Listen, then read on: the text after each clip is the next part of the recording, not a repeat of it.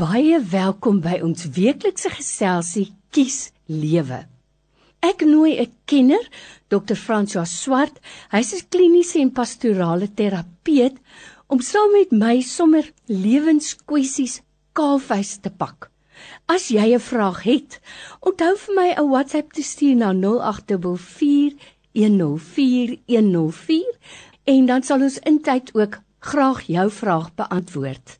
Die hele doel van ons geselsie is om ook vir jou te help dat jy by 'n punt kom waar jy kan sê ek kies lewe. Dokter Fransot, dit is September maand. Nou gewoonlik sê ons dit is lente, hippie-hoera, dan is dit hier nog yskoud en in ander plekke in die land ook. So ons sien nie eintlik die lente nie.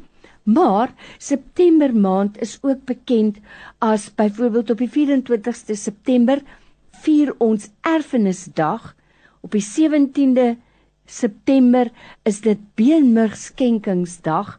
Belangrike dae wat baie keer amper half ongesiens by ons verbygaan. Maar al twee hierdie belangrike dae in my opinie is gefokus daarop om uit te reik na ander.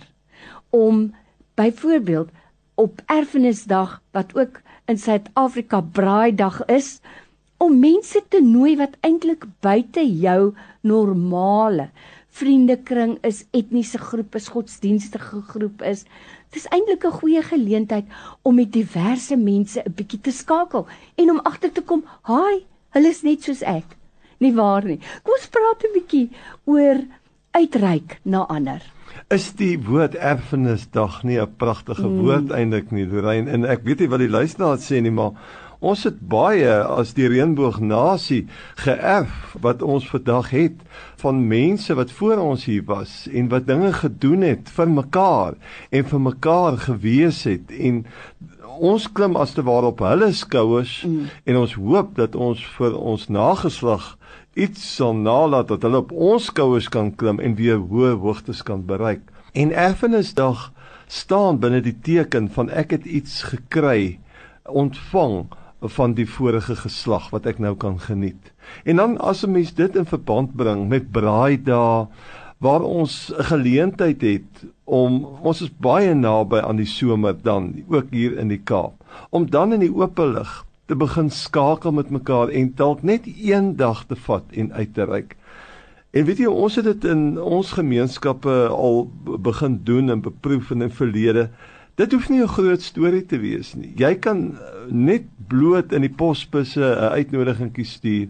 Ons gaan net vir 'n uur en 'n half sommer daar op 'n gaskotteltjie daar hier voor my huis. Enige een, bring net 'n lang broodjie en 'n worsie en bring net jou voustoel. Ons sit sommer net daar en uh vir 'n uur en 'n half kuier ons sommer net hier in die straat. Ons gesels sommer net mm. oor alles. Ek wonder of ons luisteraars nie wil dink daaraan of ons nie die 24ste September so aksie, sommer net daar in die straat. En as jy 3 of 4 bure op so wyse vir 'n uur en 'n half kan bymekaar kry, dink ek het jy 'n slag geslaan vir naaste wees en ook vir jou buurt en dat ons uitreik na mekaar vir al na die COVID pandemie. So waar dokter François, as jy sopas eers ingeskakel het. Ek gesels vandag weer met dokter François Swart. Hy's 'n kliniese en pastorale terapeut en ons gesels met jou oor lewenskwessies. Ons wil eintlik by 'n punt kom waar ons sê ek kies lewe. Dokter François, jy's vir my nou op hierdie punt om te skakel met ander mense om uit te reik om 'n bietjie meer uit te vind oor hulle spesifieke kultuur en hoe hulle dinge doen. Dis die lewe. Ons moet die lewe meer vier in plaas daarvan om net in ons eie kringetjie te bly.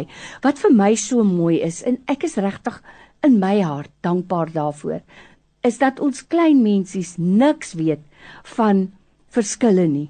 En ek is die Here dankbaar daarvoor. Ons het dit nou ongelukkig misgeloop.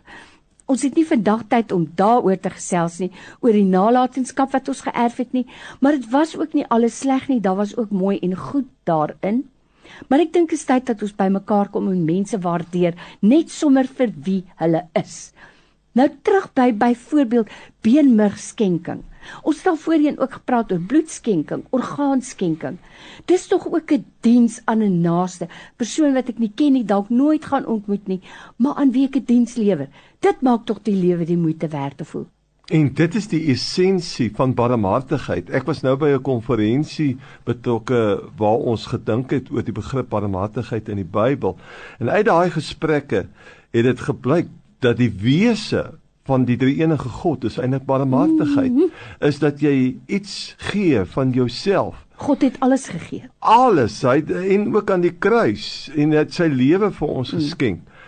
En as 'n mens kom by by orgaanskenking, ek wil tog vir die luisteraars aanmoedig, wanneer jy die beplanning van jou lewe doen en jy het 'n testament of jy het 'n idee boekie Jy kan 'n stikertjie laat aanbring binne in jou idee boekie waar jy sê jy is 'n skenker. En wanneer jy te sterwe kom, gee jy hiermee toestemming en jy gee jou nommer deur vir die betrokke instansie dat hulle wel gedeeltes van jou liggaam kan skenk. Retina of beenmerg of 'n nier of bloed of of wat ook al. En selfs in daardie donker oomblik en jy weet tog nou nie meer daarvan nie. Mm. Is jy besig met 'n offer binne die hele gedagte van naaste liefde en barmhartigheid? Dit is byna so Samson toe hy daai pilare in mekaar getrek het en sy laaste daad gedoen het om die volk se eer te red. Kan 'n mens selfs in jou laaste oomblikke kan jy nog steeds iets doen vir jou naaste. En dis iets wat jy nie eers van weet nie. Mm. Jy weet nie eers wat dit gaan beteken nie. As 'n mens gaan luister na mense se verhale wat skenkings mm. ontvang het, is hulle so dankbaar, Lorraine. Hulle is so bly. Hulle kan nie glo dat hulle dit gekry en ontvang het van iemand nie. En ons moet die wetenskap dank dat hulle hierdie goedes kan doen, maar dan moet ons die wetenskap se hande ook sterk maak en die wetenskap sien ook as 'n gawe van die Vader wat hy vir ons kom gee het en ons moet dit omhels en op dië manier kies ons lewe en al gaan ons dood gee ons lewe vir ander mense. Is dit nie wonderlik nie? Wat 'n wonderlike gedagte. En ek weet dokter Franswa ek gesels mos nou baie met mense by die orgaanskenking en by beenmergskenking by orgaanskenking hulle doen dit met soveel deernis wat hulle die organe oes wat hulle gaan gebruik. Hulle maak alles weer netjies toe. Dit lyk soos asof daar nooit iemand gewerk het aan die liggaam nie. Hulle doen dit met baie respek en deernis en met beenmurg skenking. Dis skaars meer as 'n uh, wanneer jy gaan bloed skenk, maar dit kan vir iemand anders 'n tweede kans op die lewe gee. Ten slotte net, is dit ook wat van my 'n goeie rentmeester maak. Dr. Fransa, van my lewe, maar ook van dit wat ek hier nalat. Ek dink so as ek vir Paulus hoor, ons moet ons lewe as 'n offer bring vir mekaar. En dit is nog 'n gedagte wat jy oor moet dink. Is ek 'n barmhartige soort van volger van Jesus? En jy moet gaan uitvind binne jou invloedsfeer, binne jou familiekring, binne jou geloofsgemeenskap, binne jou werksgemeenskap. Watter verskil kan jy maak? En so maklik sê ons ag ek kan niks doen nie. Maar ek dink uit vandag se program leer ons dat ons kan selfs in ons dood 'n geweldige bydrae maak. En dan vir lewe kies, dalk nie vir onsself nie, maar die kwaliteit van lewe vir iemand anders kan jy dit soveel beter maak. Ek kan nie daar verbeter nie. Onthou as jy 'n vraag het, stuur vir my jou vrae met 'n WhatsApp, begin met die woorde kies lewe en dan gesels ons by geleentheid ook daaroor. Tot volgende week. Totsiens.